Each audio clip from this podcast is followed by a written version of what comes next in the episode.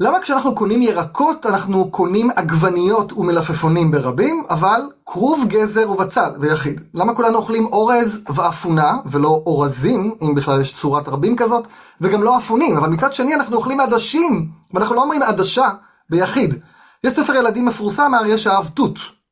הוא אהב תות אחד ולא יותר, ברור לנו שהכוונה לתותים ברבים, ובכל זאת, האריה אהב תות.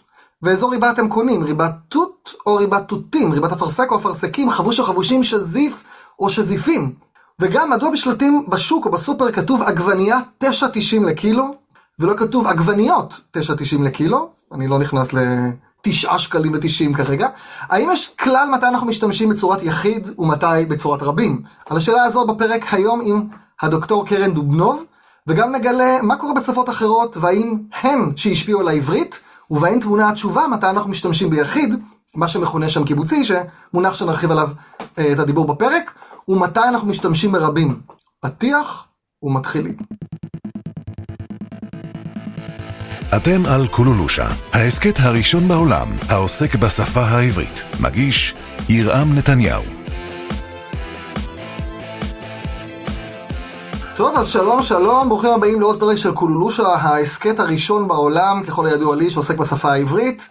Uh, תמיד כיף לי להגיד את זה. Uh, שלום לה, דוקטור קרן דובנו, מה שלומך? ברוך השם, תודה. אני אציג אותך. Uh, קודם כל כבר, אני, טוב, אני אגיד שגם היית פרקים הקודמים, תכף אני אגיד. ראש החוג ללשון העברית במכללה האקדמית לחינוך על שם דוד ילין, ומרכזת לימודי עריכת הלשון במכללה. עבדת שנים רבות במזכירות המדעית של, באקדמיה ללשון העברית. ואת אה, אה, למדת בלשונות כללית באוניברסיטת מוסקבה ולשון עברית באוניברסיטת בר אילן וגם באוניברסיטה העברית. את מתמחה בחקר העברית בתקופת ההשכלה ובהתהוות העברית החדשה, שזה הנושא, הנושא שלנו העברית החדשה היום. גם כמובן נדבר מה קורה במקורות של העברית, אבל נראה מה קורה בעברית שלנו. והשתתף בשני פרקים בקולולושה עד כה שניים, עוד חזון למועד. אה, פרק 16, השפעת הרוסית על העברית, פרק, אה, הפוך, 15, למה יש זכר ונקבה בדברים דוממים, ופרק 16, השפעת הרוסית על העברית. אה, טוב, היה לי פתיח שאתה יודע, דיברתי עם אנשים שאני עומד ל... שעומד להיות פרק כזה, ותמיד התגובה הייתה, וואי, איזה מעניין, איך לא חשבתי על זה עד היום? אז את יודעת, גם אני לא חשבתי על זה לפני ששמעתי אותך ודיברנו, ויש לך גם מאמר שכתבת, שאני אשים בהרחבות באתר שלי לשון ידה, מי שירצה לקרוא את המאמר. אז בוא, אז מתי ביחיד, מתי ברבים, ומה זה תלוי? אז אנחנו גילים אה, לשפות בעיקר הודו-אירופיות, כי אלה שפות שאנחנו בדרך כלל לומדים. ובשפות האלה, וגם במידה רבה בעברית שלנו, בעברית החדשה, אה, מובן מאליו שיש יחיד ויש רבים, זאת אומרת שיש בכלל צורך להחליט אם שם העצם הוא ביחיד או ברבים, ומי שחקר את השפות האלה, כמו אנגלית, גרמנית, שפות אירופיות אחרות, שמו לב שלפעמים אה, קשה להחליט אם דבר מסוים הוא יחיד או רבים, כי אפשר להסתכל בו מנקודת מבט אה, אחידה או מנקודת מבט אה, מרובה. אה, מה, תתני דוגמה? זאת אומרת? יספרסון שהיה בלשן שהתמקד בעיקר בשפות אה, הודו-אירופיות, הוא כבר שם לב בתחילת המאה העשרים אה, שאותו דבר בדיוק, אפילו בשפות מאוד קרובות, אה, יכול להיות בשפה אחת ביחיד ובשפה אחרת ברבים. נניח חצבת, שזו מחלה לא נעימה, היום אנחנו קצת פחות מתמודדים איתה כי יש חיסונים טובים.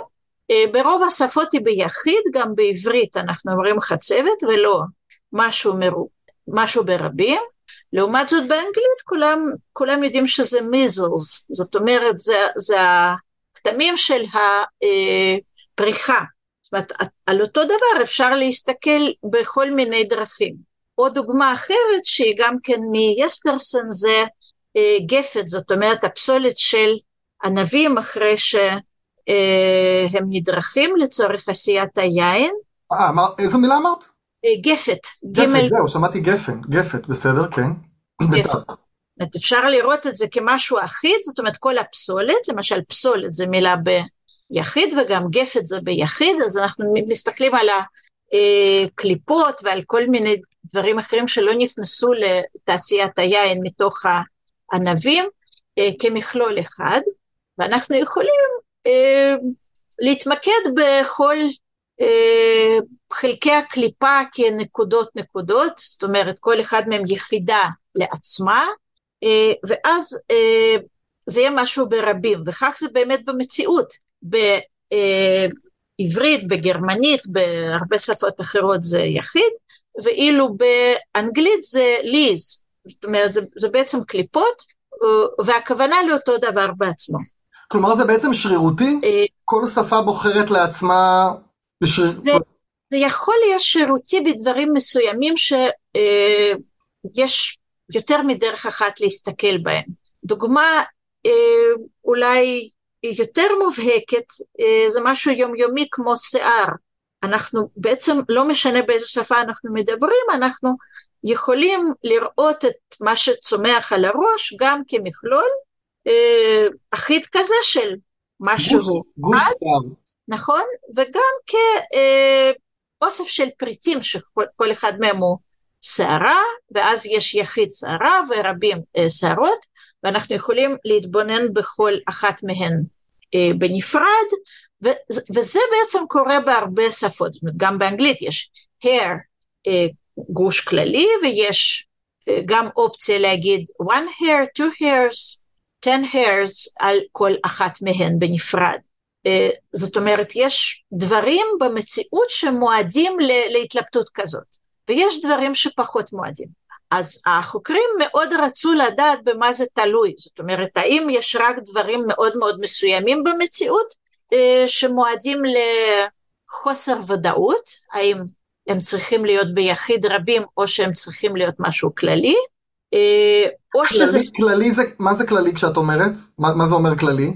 מה שאנחנו אומרים קיבוצי, למשל אה, חומר אחיד כמו חלב, או חומר אחיד כמו חול, הוא אה, מועד להיות שם עצם קיבוצי, זאת אומרת אה, שיהיה להם רק, אה, אה, אה, שלדבר הזה יהיה שם רק בצורה אחת, אה, בעצם כמו יחיד בדרך כלל, אה, כי, כי החומר מאוד אחיד, זה לא משנה אה, אה, לאדם אם יש אה, יחידות לחלב, נניח אה, מולקולות פרודות כי הוא לא רואה אותם בעין, הוא רואה את החומר, אה, פעם מוזג ממנו כוס, פעם אה, מקבל ממנו אה, בקבוק או קופסה, פעם חולב דלי שלם שלו, ועדיין רואה מין חומר אחיד, לא יחידות. אז בעצם שם קיבוצי זה שם שבצורה שלו הוא יחיד, כי נגיד אומרים חלב טעים, לא אומרים חלב טעימים, אבל בתוכן שלו הוא, הוא בעצם אה, רבים או כללי, נכון? נגיד צאן, אז אומרים צאן גדול או צאן גדולים, אבל צאן זה לא אחד, זה צריך להיות כמה שם, שזו דוגמה שאני אוהב צאן, אבל זה שם קיבוצי. נכון. מה שרציתי להגיד הוא שיש אה, דברים במציאות שמאוד מאוד מועדים להיות אה, שם קיבוצי. בשפות כמו אה, שלנו זה באמת ייראה כמו יחיד, אבל זה לא, זה לא משנה אם הוא יחיד או רבים, הוא, הוא, הוא, הוא כללי. אה, ויש דברים שפחות מועדים לזה. במה זה תלוי? אז החוקרים מאוד מאוד התלבטו בשאלה במה זה תלוי. למשל וורף שידוע מ... ספיר וורף, לא? ספיר וורף, מענייני סמנטיקה, הוא עצמו הציע שדברים פרטניים שיש להם קווי מתאר ברורים שאפשר זה לצייר אותם בתוך קווים כמו בגן ילדים אה, כמו למשל אה, איש או מקל או גבעה שיש להם קונטור כזה מאוד מאוד אה, ברור, הם, הם יהיו בדרך כלל ביחיד וברבים, ואילו דברים הומוגניים, זאת אומרת אחידים שאין להם גבולות ברורים, הגבולות שלהם יותר תלויים בכלי שלתוכו החומר נשפך או נבזק, אלה יהיו השמות הקיבוציים, כמו למשל קמח אה, או חלב כמו... אני לא יכול, אה, קמח זה המון גרגירים קטנים, אני לא יכול אה, למקד אחד, נכון? זה בעצם המון... נכון, אפילו לא רואה אותו. הגרגירים כל כך קטנים שאנחנו לא שמים לב אליהם בכלל, אנחנו רואים את זה אז גם נגיד מבחינתו צאן או קהל, אז זה אוסף ענקי של אנשים או של צאן שאני לא ממש סופר אותם אחד אחד, אלא זה קבוצה כזאת, זה גוש? אה, נכון. עכשיו, על התיאוריה הזאת של וורף כבר הייתה ביקורת, הוא פרסם את המאמר שלו מזמן מזמן, בשנות החמישים, וכבר אז היו לו אה, מתנגדים ואמרו זה, זה לא תמיד נכון, למשל אה, הרהיטים, אנחנו גם שים לב לפעמים אומרים ריהוט, אה, בהרבה שפות הם אה, רבים, למשל פרניצ'ר באנגלית או אה, למבל בצרפתית, זה יחיד קיבוצי, למרות שקווי המתאר של שולחנות, מיטות וארונות הם מאוד מאוד אה, ברורים וזה לא איזשהו חומר אחיד, כל אחד מהרהיטים הוא בעצם שונה לגמרי ואנחנו מבחינים ביניהם היטב ואף על פי כן אה, היחיד אה, לפעמים שולט. ואז היו ניסיונות לתקן את זה, האם למשל הוצע קריטריון כזה אם אה, החלק והשלם הם אותו דבר. למשל קמח, לא משנה אם תיקח את כל הכמות או חלק מהכמות זה עדיין יהיה קמח, אבל חלק מגבעה לא, הוא לא גבעה. ואז אמרו, רגע, גם זה לא תמיד נכון, כי אם אנחנו למשל לוקחים קו ואז חותכים אותו למקטעים, הם כן, עדיין... ואותו דבר למשל נכון לזר פרחים, אתה יכול לחלק אותו לכמה זרים, ועדיין כל אחד מהם יהיה אה, זר. זאת אומרת, המסקנה היא שזה מאוד מאוד לא פשוט וצריך הרבה יותר להעמיק במחקר והרבה אה, יותר אה, בעצם להשקיע, להתבונן בתכונות הרבה יותר מדוקדקות, הרבה יותר ספציפיות, כדי לענות על השאלה הזאת. ויודעים או שנתקעו בזה שלא יודעים להגיד? כמובן הבלשנים לא מרימים ידיים, במיוחד אלה שאוהבים סמנטיקה, הם, הם תמיד, כמו שאומרים בעברית מדוברת, יחפרו ויחפרו עד שיגיעו לתשובות הרבה יותר מעמיקות. במדוברת וכן, אומרים יחפרו ויחפרו. נכון. בלי דגש. אמרת מדוברת. כנראה בכל זאת אני לא נציגה טיפוסית של השלב הזה. אז הם חפרו וחפרו, מה הם דלו? אה, יש פה בעצם שני אה, כיוונים. דבר אחד שצריך אה, לעשות כדי בכל זאת לנסות לענות על השאלה הזאת, הוא לראות שפות נוספות, לא להסתפק רק בשפות אירופיות מפורסמות כמו אנגלית, גרמנית, צרפתית או רוסית, אלא לעסוק במה שנקרא בבלשנות טיפולוגיה, זאת אומרת להסתכל כמה שאפשר בכל הכדור או בחלקים נרחבים מהכדור, כדור הארץ, ולראות אה, איך בכלל מתפקדת הקטגוריה, המנגנון שנקרא אה, קטגוריית המספר, זאת אומרת יחיד רבים, אה, עד כמה זה בכלל נפוץ בשפות, האם זה כל כך מובן מאליו שיהיה יחיד ורבים, ואם לא, מה כן יש שם. זה כיוון... רגע, סקרנט, יש שפות שאין יחיד ורבים? אה, הרבה מאוד, הרבה מאוד. אה, אין יחיד ורבים, אז מה יש? אה, זהו שההתעניינות בכמות של עצמים, בין שזה אנשים, חיות או חומר או דברים אחרים, חפצים למשל, יש, יש בכל מקום, כי לכולנו למשל חשוב שיהיה לנו מספר מסוים של חברים או כמות מסוימת של כסף, זאת אומרת כמות מעניינת כל אדם, לא משנה איזו שפה הוא הוא מדבר, אבל הדקדוק אה, של שפה יממש את זה בדרכים מאוד מאוד שונות. לא תמיד דווקא באפשרות לשנות את שם העצם לפי העניין הזה, היחיד או הרבים. זה יכול להיות אחרת לגמרי. למשל, שם עצם יכול להיות תמיד באותה צורה, למשל עץ או דוב, ואם אנחנו רוצים לדבר על כמות, אה, יהיה צורך להגיד איזושהי מילה, כלומר, כמו שכל דבר שאיננו אה, בא לידי ביטוי בדקדוק, עדיין אפשר להביע אותו במילים. נניח איך הרוסים מסתדרים בלי ה' הידיעה, זו שאלה שתמיד שואלים דוברי אנגלית או דוברי עברית, אז אם אין להם ה, אם אין להם זה, אז, אז, אז איך הם מסתדרים? הם יכולים לדבר, נכון? הם אומרים אה, משהו כמו המילה זה, אה, אותו דבר יכולים לשאול על אה, עברית, איך עברית מסתדרת בלי ההבדל בין אה, progressive tense לבין perfect tense. זאת אומרת, איך אני יכולה להסביר לבנות שלי שאם הם אמרו סידרנו את החדר והן מתכוונות שהם השקיעו בזה זמן מסוים, אבל התוצאה איננה חדר מסודר, איך אני יכולה בכלל להגיד להם מה אני מתכוונת אם אני מדברת איתם עברית ולא למשל אנגלית. אז אני צריך, אז מה שלא נמצא בדקדוק צריך להגיד במילים, נכון? אז אני צריכה להגיד להם, האם סידרתם עד הסוף? האם סידרתם עד לתוצאה סבירה? אה, או בעצם לעשות פרפרזה גמורה ולהגיד את זה במילים אחרות, האם החדר נקי עכשיו. אז אותו דבר גם עם מספר, אם אה, שם עצם בשפה מסוימת לא משתנה, זאת אומרת יש רק מילה כמו עץ ואין מילה כמו עצים, אז מוכרחים להגיד מילים כמו שלושה, הרבה, אה, מעט. אה, כמו מוסיפים איזה ציין כמות שהוא לא חלק מהמילה אלא הוא לפניה או אחריה, משהו כזה. נכון. עכשיו, מבחינת כמות יש כל מיני דרכים לעשות את זה.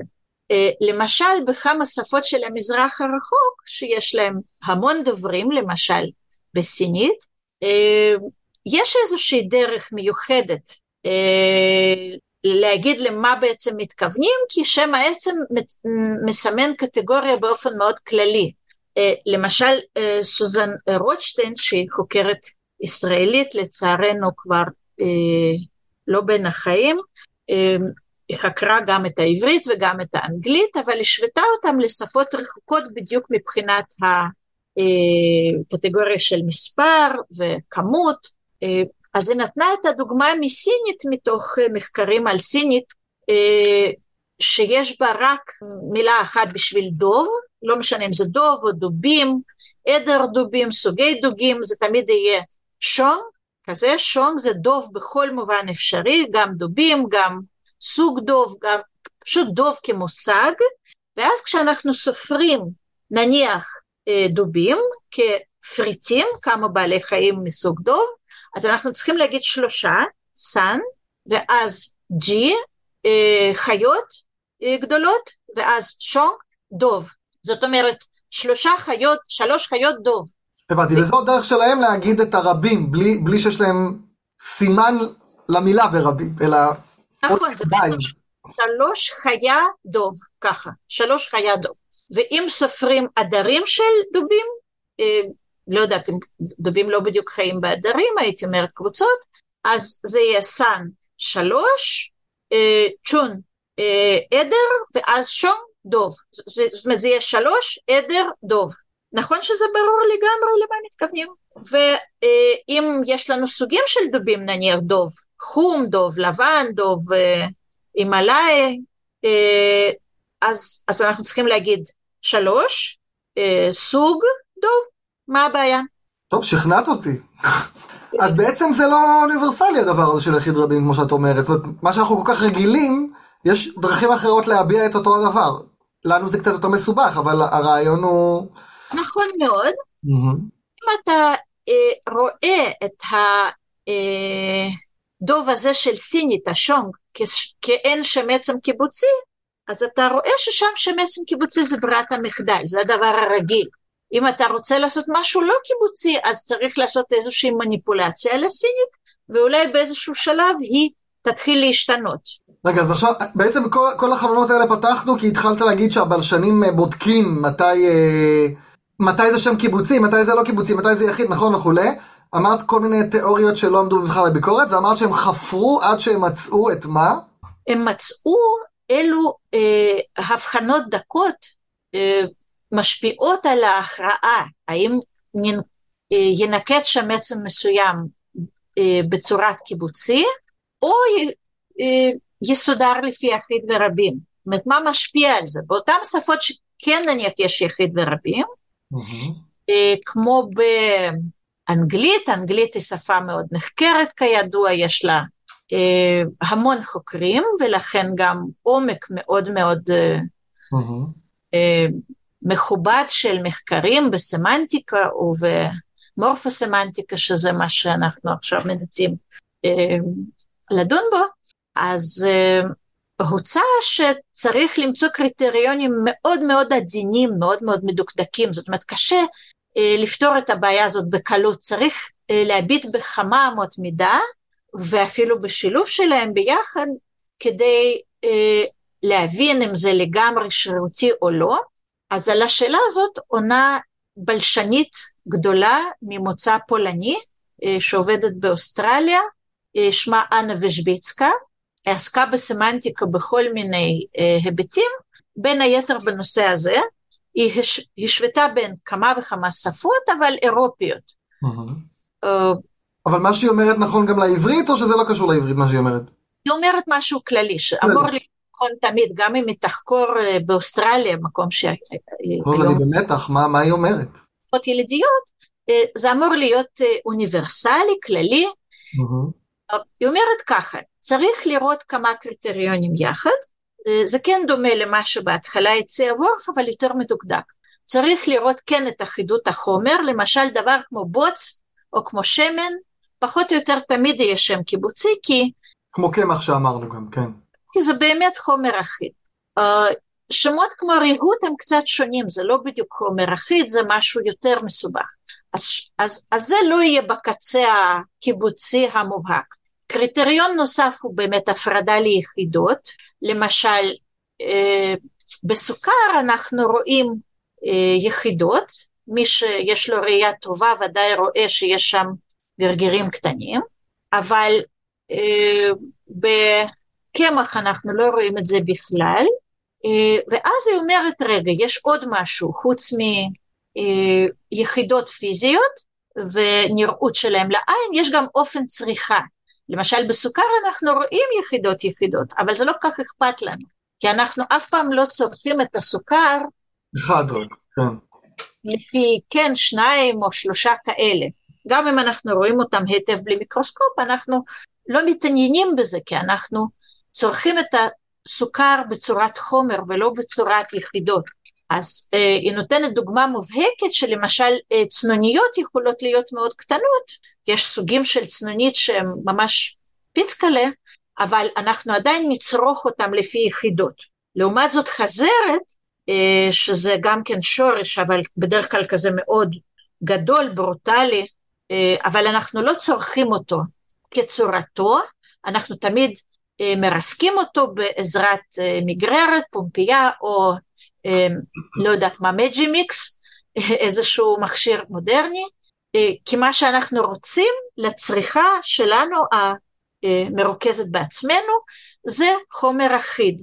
אז לא כל כך משנה איך זה גדל, משנה איך אנחנו צורכים אותו.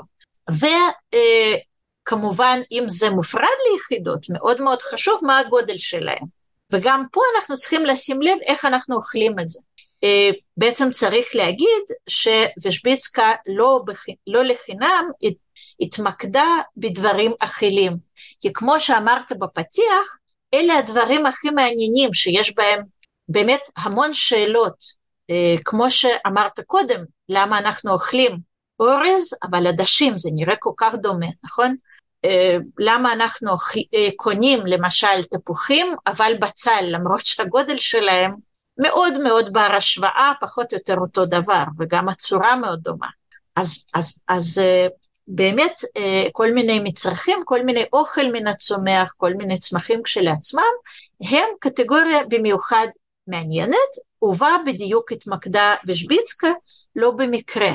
אז, אז ככה, אמרנו אחידות החומר, הפרדה ליחידות, אופן צריכה, ואגב אופן צריכה, הגודל. אם יש לנו יחידות, האם הן גדולות או קטנות.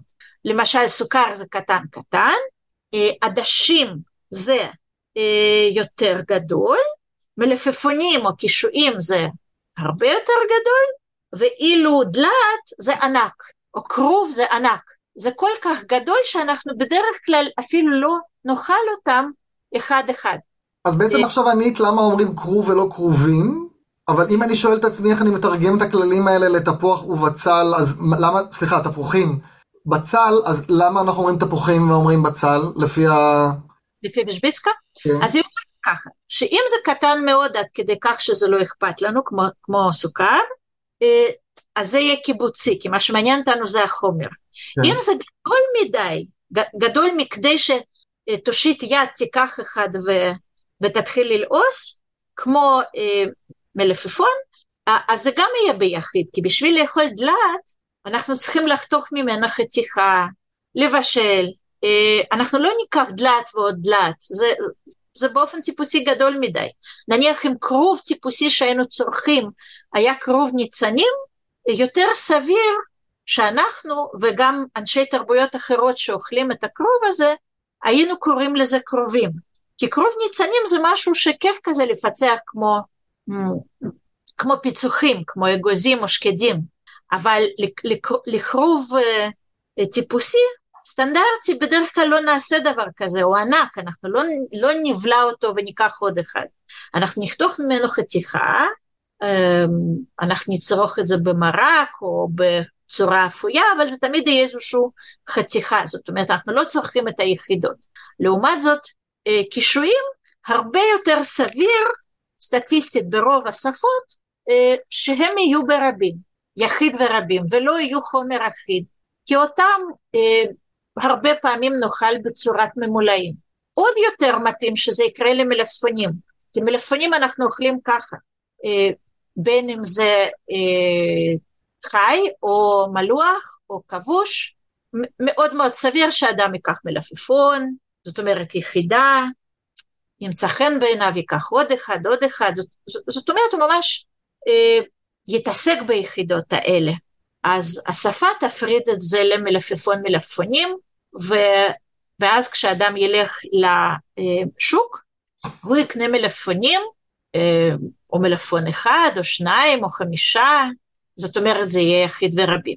מה עם גזר? גזר זה כמו מלפפון עקרונית, לא? אנחנו לא אומרים אה, גזרים כל כך, קניתי גזר.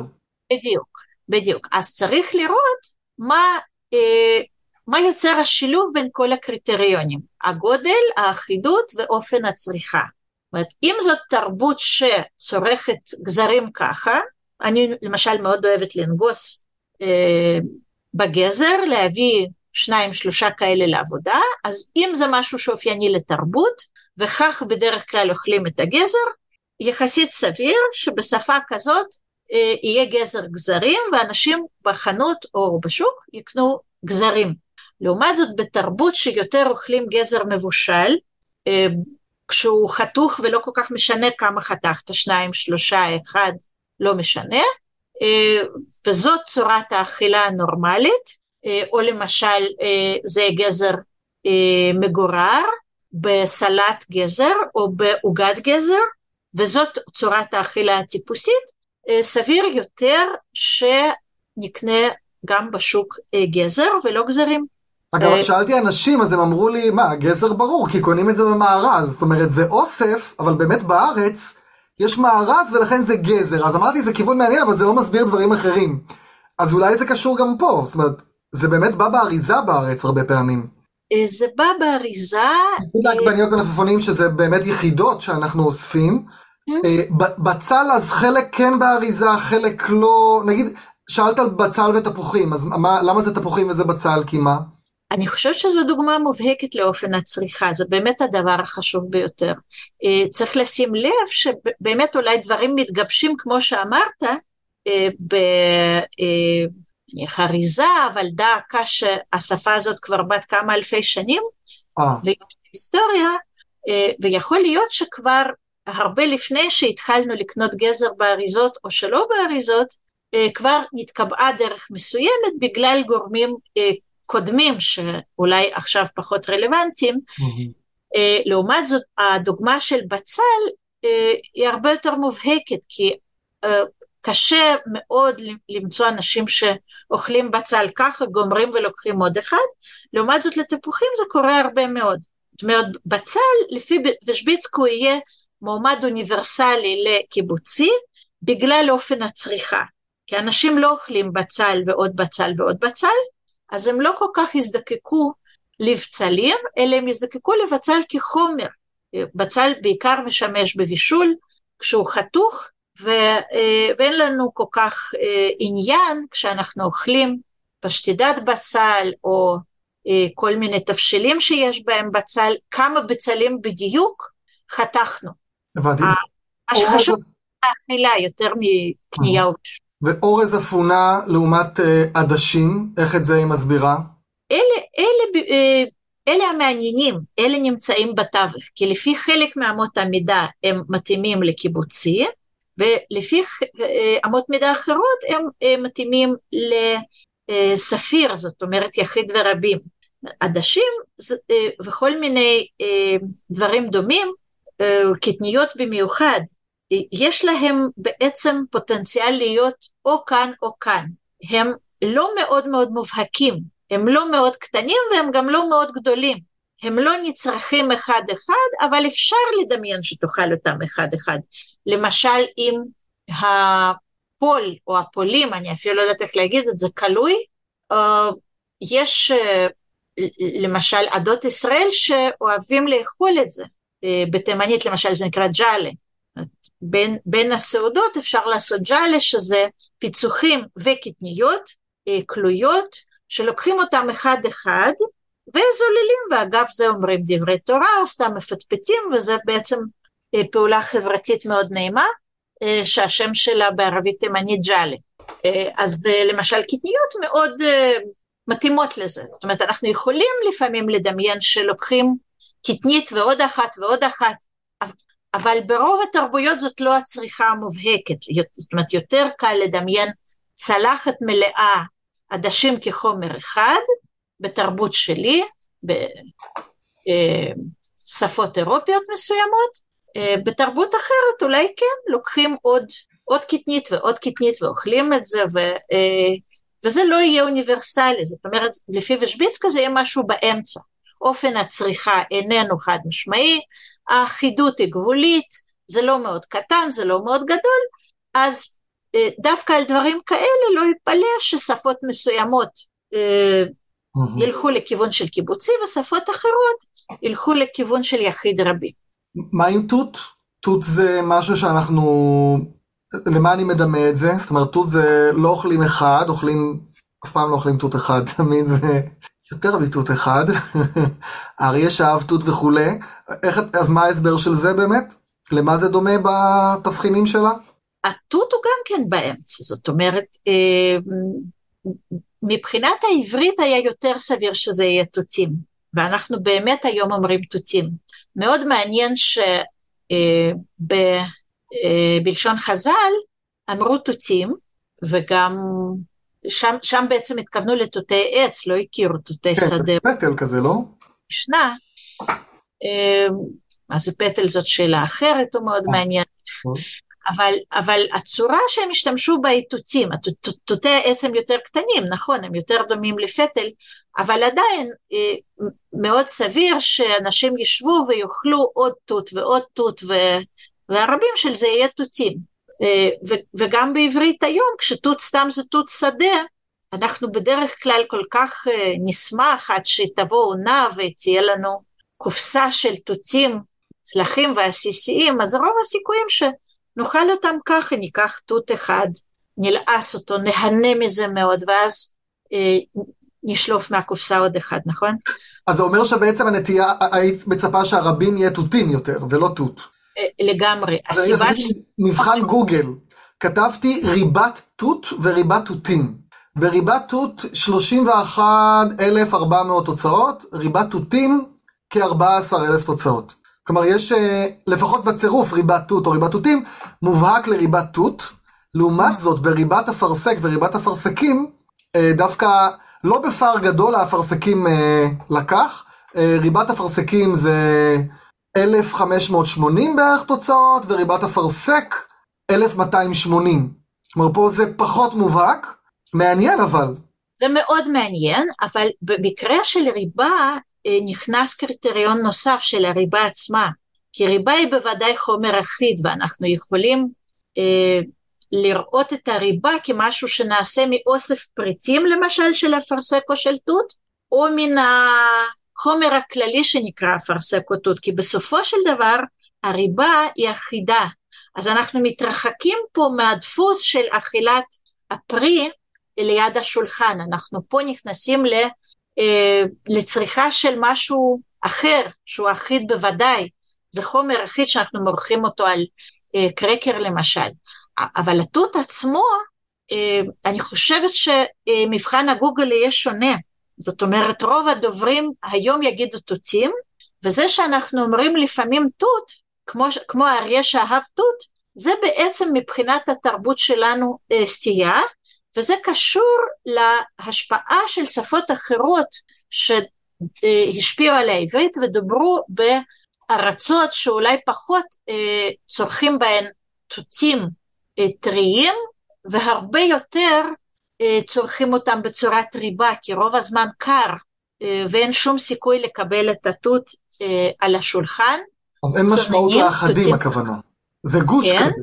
Mm-hmm. אלה רוב הזמן אוכלים אה, כל מיני צורות מעובדות של הדבר הזה, אה, או ריבה, או מרמלדה, או אה, כל מיני משקאות מתות, כי העונה של התות מאוד מאוד קצרה, אבל אה, מאוד מאוד מקובל להכין ריבות אה, לסוגיהן, ו, אה, וכך בתרבות כזאת השם של החומר יהיה הרבה יותר נפוץ.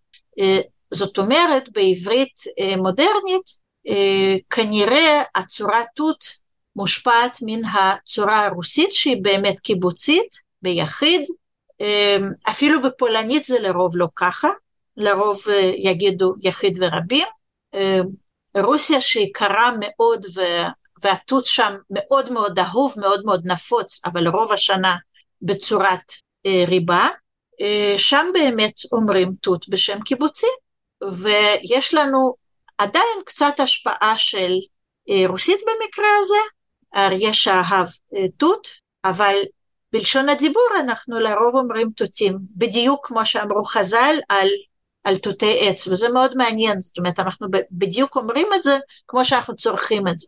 רגע, אז התחלת לדבר על שפות אחרות השפיעו על העברית ודיברת על זה בפתיח, אז בוא, בואי נרחיב באמת את הדבר הזה, עד כמה שפות אחרות השפיעו על העברית, או, ש, או שפה צריך טיפה לראות מה קורה במקרא חז"ל ואז, ואז עברית ימינו, איך, איך את רואה, נדבר על ההשפעות?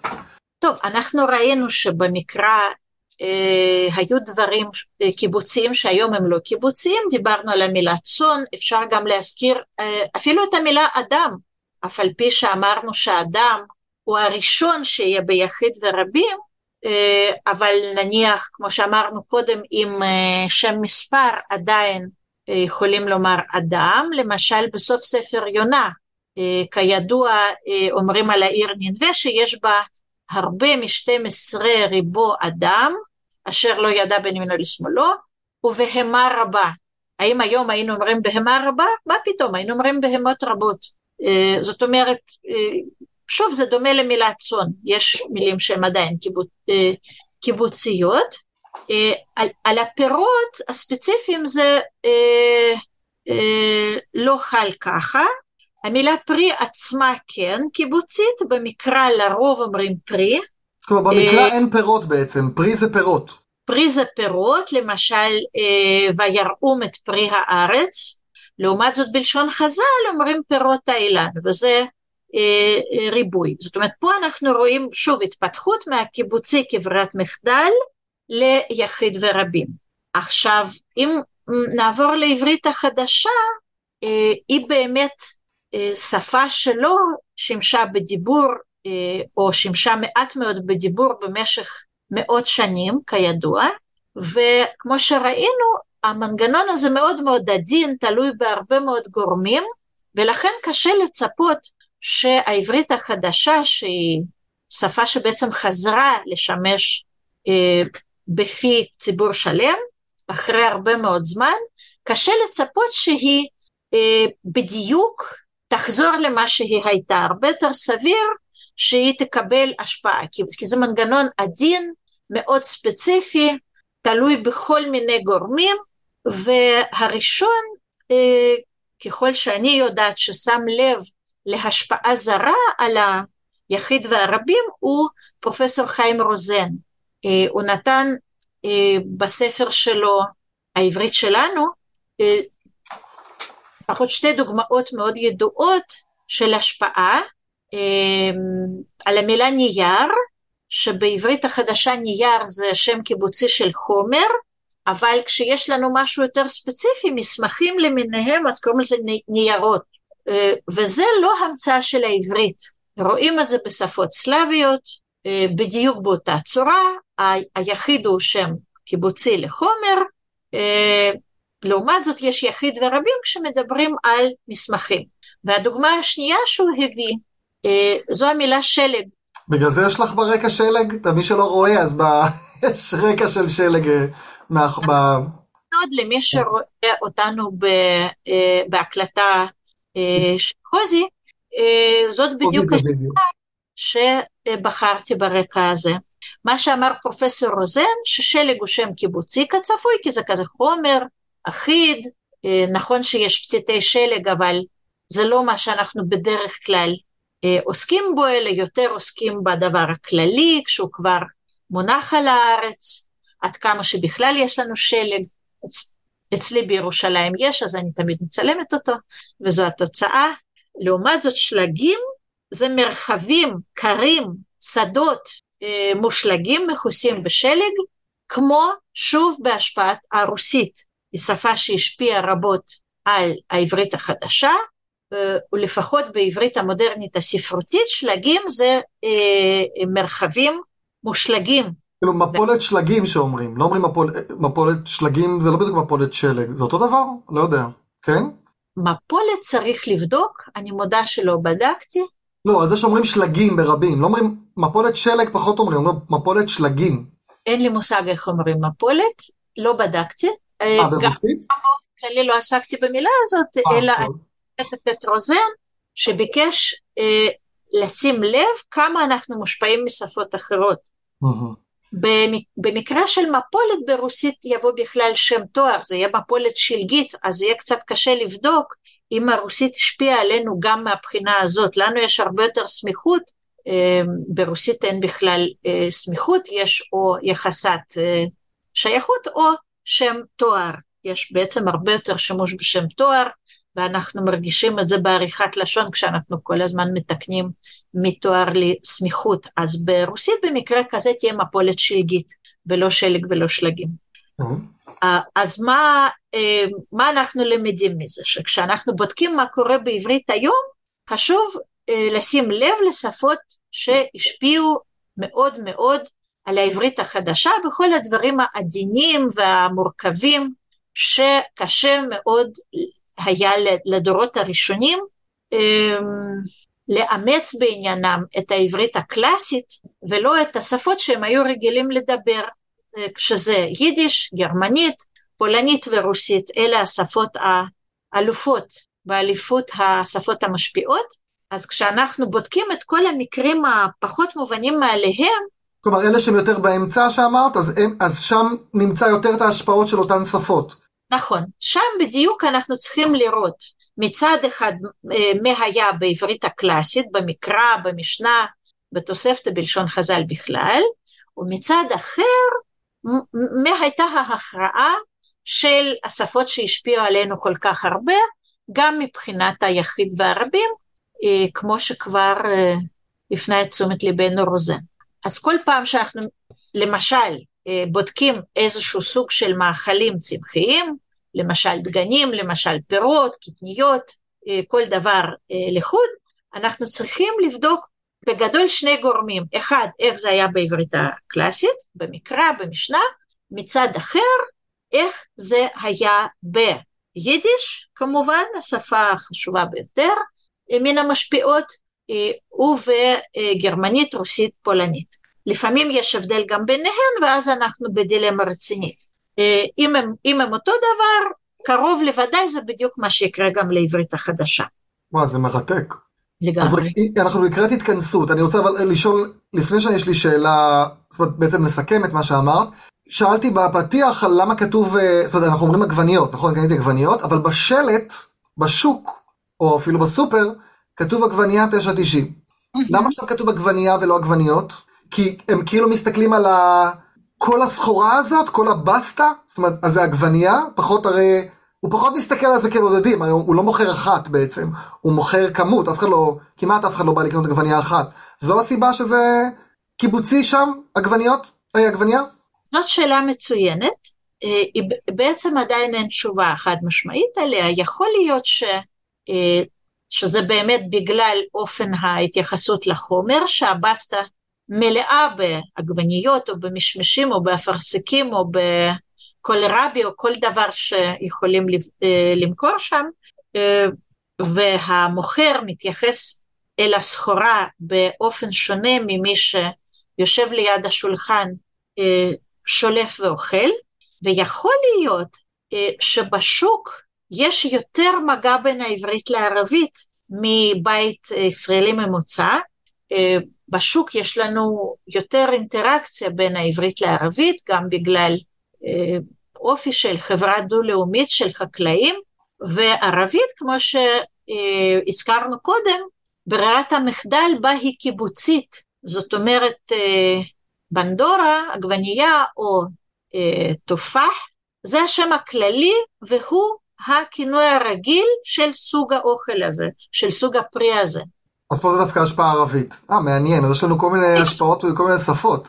אגב, פתאום עלה לי הרעיון שאומרים, למה אנשים שנגיד חיילים אומרים, תעזבי רגע את היחיד והרבים, אומרים חמש חודש או 12 חודש, הם לא אומרים חודשים, או בן אדם שמוכר כיסאות, אז הוא יגיד 24, נגיד, 24 כיסא. למה הוא אומר את זה ביחיד? כי משהו שדרכו להימנות הרבה, מי שעוסק בזה כל הזמן, סופר את זה, אז זה נהיה אצלו כיחידה אחת, אז פתאום חשבתי שאולי זה גם קשור לעגבנייה. זאת אומרת, הוא כל הזמן עוסק בכמויות, קילו, זה וזה, אז, אז נוח להגיד את זה בזכר בעצם. קצת כמו שנה ושנים שסופרים וכולי. סתם אני זורק רעיון. נקודה מעניינת מאוד מאוד. אני לא בטוחה ששמעתי 24 או 4 כיסא. זה, לא, לא, לא אנשים אומרים את זה, מי שמוכר כיסאות, הוא כן יגיד את זה. זאת אומרת, המוכר שכל הזמן קונה וזה, אז הוא יזמין, אז הוא יגיד, תביא לי, 20, תביא לי 30 כיסא. לא אנחנו הציבור, כי אנחנו לא חיים את זה. מי שחי את זה, הוא כן יגיד את זה. אז תשימי לב, זו תופעה שכן... תיאורטית מאוד מעניין, בנוגע לחודשים, כשמישהו למשל סופר את החודשים עד השחרור מהצבא, אז, אז באמת זה יכול להיות חמש חודש, באמת נעזוב בצד את החמש חמישה, אבל הרבה פעמים יגידו גם חודש כשזה פחות מאחד עשר, אבל לפי דעתי זה יקרה דווקא ביחידות שכיחות של מדידת הזמן והמקום, כמו שאנחנו אה, עושים במספרים גדולים. למשל, אנחנו בקלות יכולים להגיד 20 שנה, אבל ספק גדול שנגיד 20 אה, ארנק. כלומר, זה יקרה רק בשמות מאוד שכיחים. שכיחים שסופרים, אנחנו פחות סופרים ארנקים, אבל אנחנו הרבה יותר סופרים שנים. אנחנו מאוד חיים ב... זאת אומרת, שנים אנחנו סופרים ארנקים. מי שמוכר ארנקים, אז הוא יגיד, הזמנתי 20 ארנק, כי הוא כל הזמן עוסק בזה. יכול להיות, אני אישית לא נפגשתי עם אנשים כאלה הרבה, ולא זכור לי ששמעתי ארנק ביחיד, בין, בין שזה חמישה או בין שזה עשרים. אז בעצם אני רוצה לסכם את מה שאמרת. כשאני שואל את עצמי, או בן אדם שואל את עצמו, מתי אני אומר ביחיד, מתי אני אומר ברבים, מלפפונים, עגבניות, לעומת בצל, כרוב ודברים אחרים.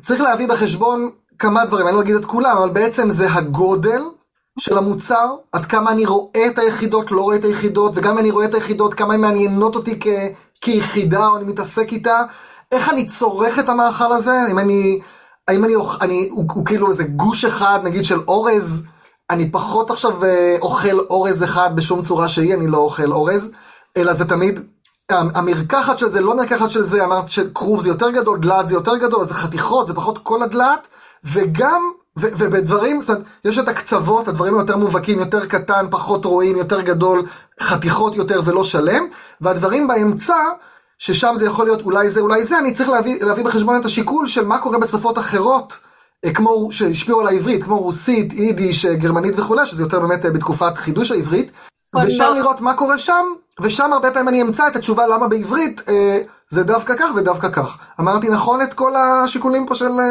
נכון מאוד, אני רוצה גם אה, להשלים את זה בדוגמאות מובהקות, עד כדי כך שאפילו אה, הבחירה של העברית הקלאסית והבחירה של העברית החדשה תהיה שונה לגמרי. למשל, כידוע, בני ישראל במדבר התגעגעו לבצלים. בחרנו את האבטיחים והקישואים, מלפפונים, מה כתוב שם? הקישואים, האבטיחים. אבטיחים. חציר שהוא בוודאי אחיד, שזה, שזה מה שאנחנו קוראים ירק, אולי, אולי זה בעצם אספרגוס, יש כל מיני דעות, אבל מה שמעניין זה הבצלים והשומים שבעברית החדשה לא משמשים בכלל. כולנו אומרים בצל, תקנה בצל, תחתוך בצל, שים בצל באיזשהו תבשיל, תאכל בצל, אל תאכל בצל, בשום אופן לא בצלים, אלא רק, רק אם בדיוק אני רוצה לחתוך ואני רוצה לבקש ממך שתביא לי מהסל שלושה בצלים בינוניים, זה המקרה היחיד שנשתמש בצורה בצלים. וזה אה, משום שבשפות הסלאביות, גם פולנית, גם רוסית, הצורה הנורמלית היא ביחיד בצל.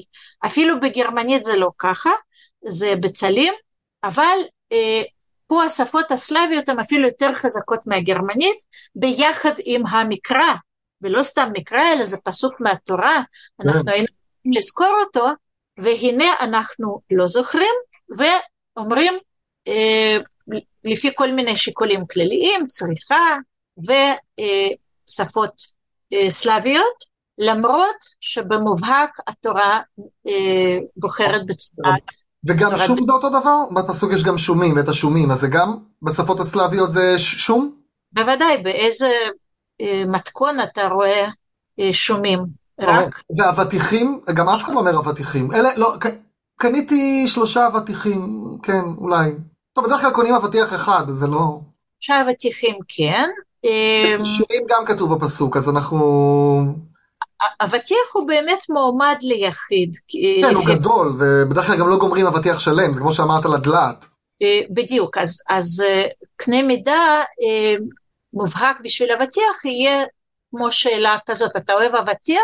בוא, בוא ננסה לחשוב מה רוב האנשים אומרים, אתה אוהב אבטיחים או אתה אוהב אבטיח? אבטיח, כן, גם. זהו, קרוב לוודאי שינצח אבטיח, לעומת זאת, אם היינו אה, מציגים שאלה כזאת בפני דוברי אה, עברית מקראית, סביר להניח שהם היו אומרים אבטיחים, כי עובדה שבני ישראל במדבר התגעגעו עליהם ברבים. כן. וואו, תקשיבי, זה נושא סופר מרתק, אני כל כך אוהב נושאים כאלה שפתאום אתה אומר, אני מדבר כל כך הרבה שנים ואף פעם לא שמתי לב שאני אומר פעם ביחיד, פעם ברבים, ובאמת למה? אז uh, תודה על המחקר שלך, אני אשים uh, הפנייה למאמר שלך באתר לשוניאדה. Uh, את רוצה להוסיף עוד משהו? שלא אמרת שחשוב או שנראה לי בגדול סיימנו את הכל, נכון? כן. כן, אפשר עוד לדבר קצת על... Uh, uh... תחרות בין שפות שונות שמשפיעות עליהן, מי מנצח. אז אבל... האמת, היה גם תוך כדי שדיברת על uh, משהו על השפות, אני לא זוכר איזה חלק זה היה, ואמרתי, וואו, זה שווה פרק בנפרד, כל הסיפור הזה של השפות. אז אולי uh, יש לנו, יש לנו גם ככה עוד נושא שדיברנו על כינויים חבורים, שזה יהיה בעתיד שעוד נקליט. אז נשאר, נשאר, אה, נשאיר אותם שאלות. אז שוב, תודה רבה לך. אני אגיד שאת המאמר שלך, אני כאמור, זה נקרא גזר וקישואים, אורז ועדשים, שמות ספירים ולא ספירים, בתחום מזונות מן הצומח. אני אוסיף באתר של לשוני ידע. ובהזדמנות זו אני אגיד שאתם מוזמנים להצטרף לפייסבוק של קולולושה, לדון בפרק, לשאול שאלות, פשוט תחפשו בפייסבוק קולולושה. ויש לי גם טיק טוק, שאני מעלה לפחות שני סרטוני לשון ביום. אה, דברים מגניבים בלשון, ויש לי גם אינסטגרם וגם פייסבוק, ויש לי קבוצת וואטסאפ שקטה למי שאין טיק טוק ועדיין רוצה לראות את הסרטונים, אז אה, פשוט תחפשו ירם נתניהו בטיק טוק, אינסטגרם, פייסבוק, או תיצרו איתי קשר דרך אתר לשוני ידע בצור קשר, תכתבו לי שאתם רוצים את הקישור, ואני אשלח לכם. שוב תודה רבה לך על הזמן ועל ה... כל המחקרים שלך, תענוג, ולהישמע בפרק הבא. להתראות.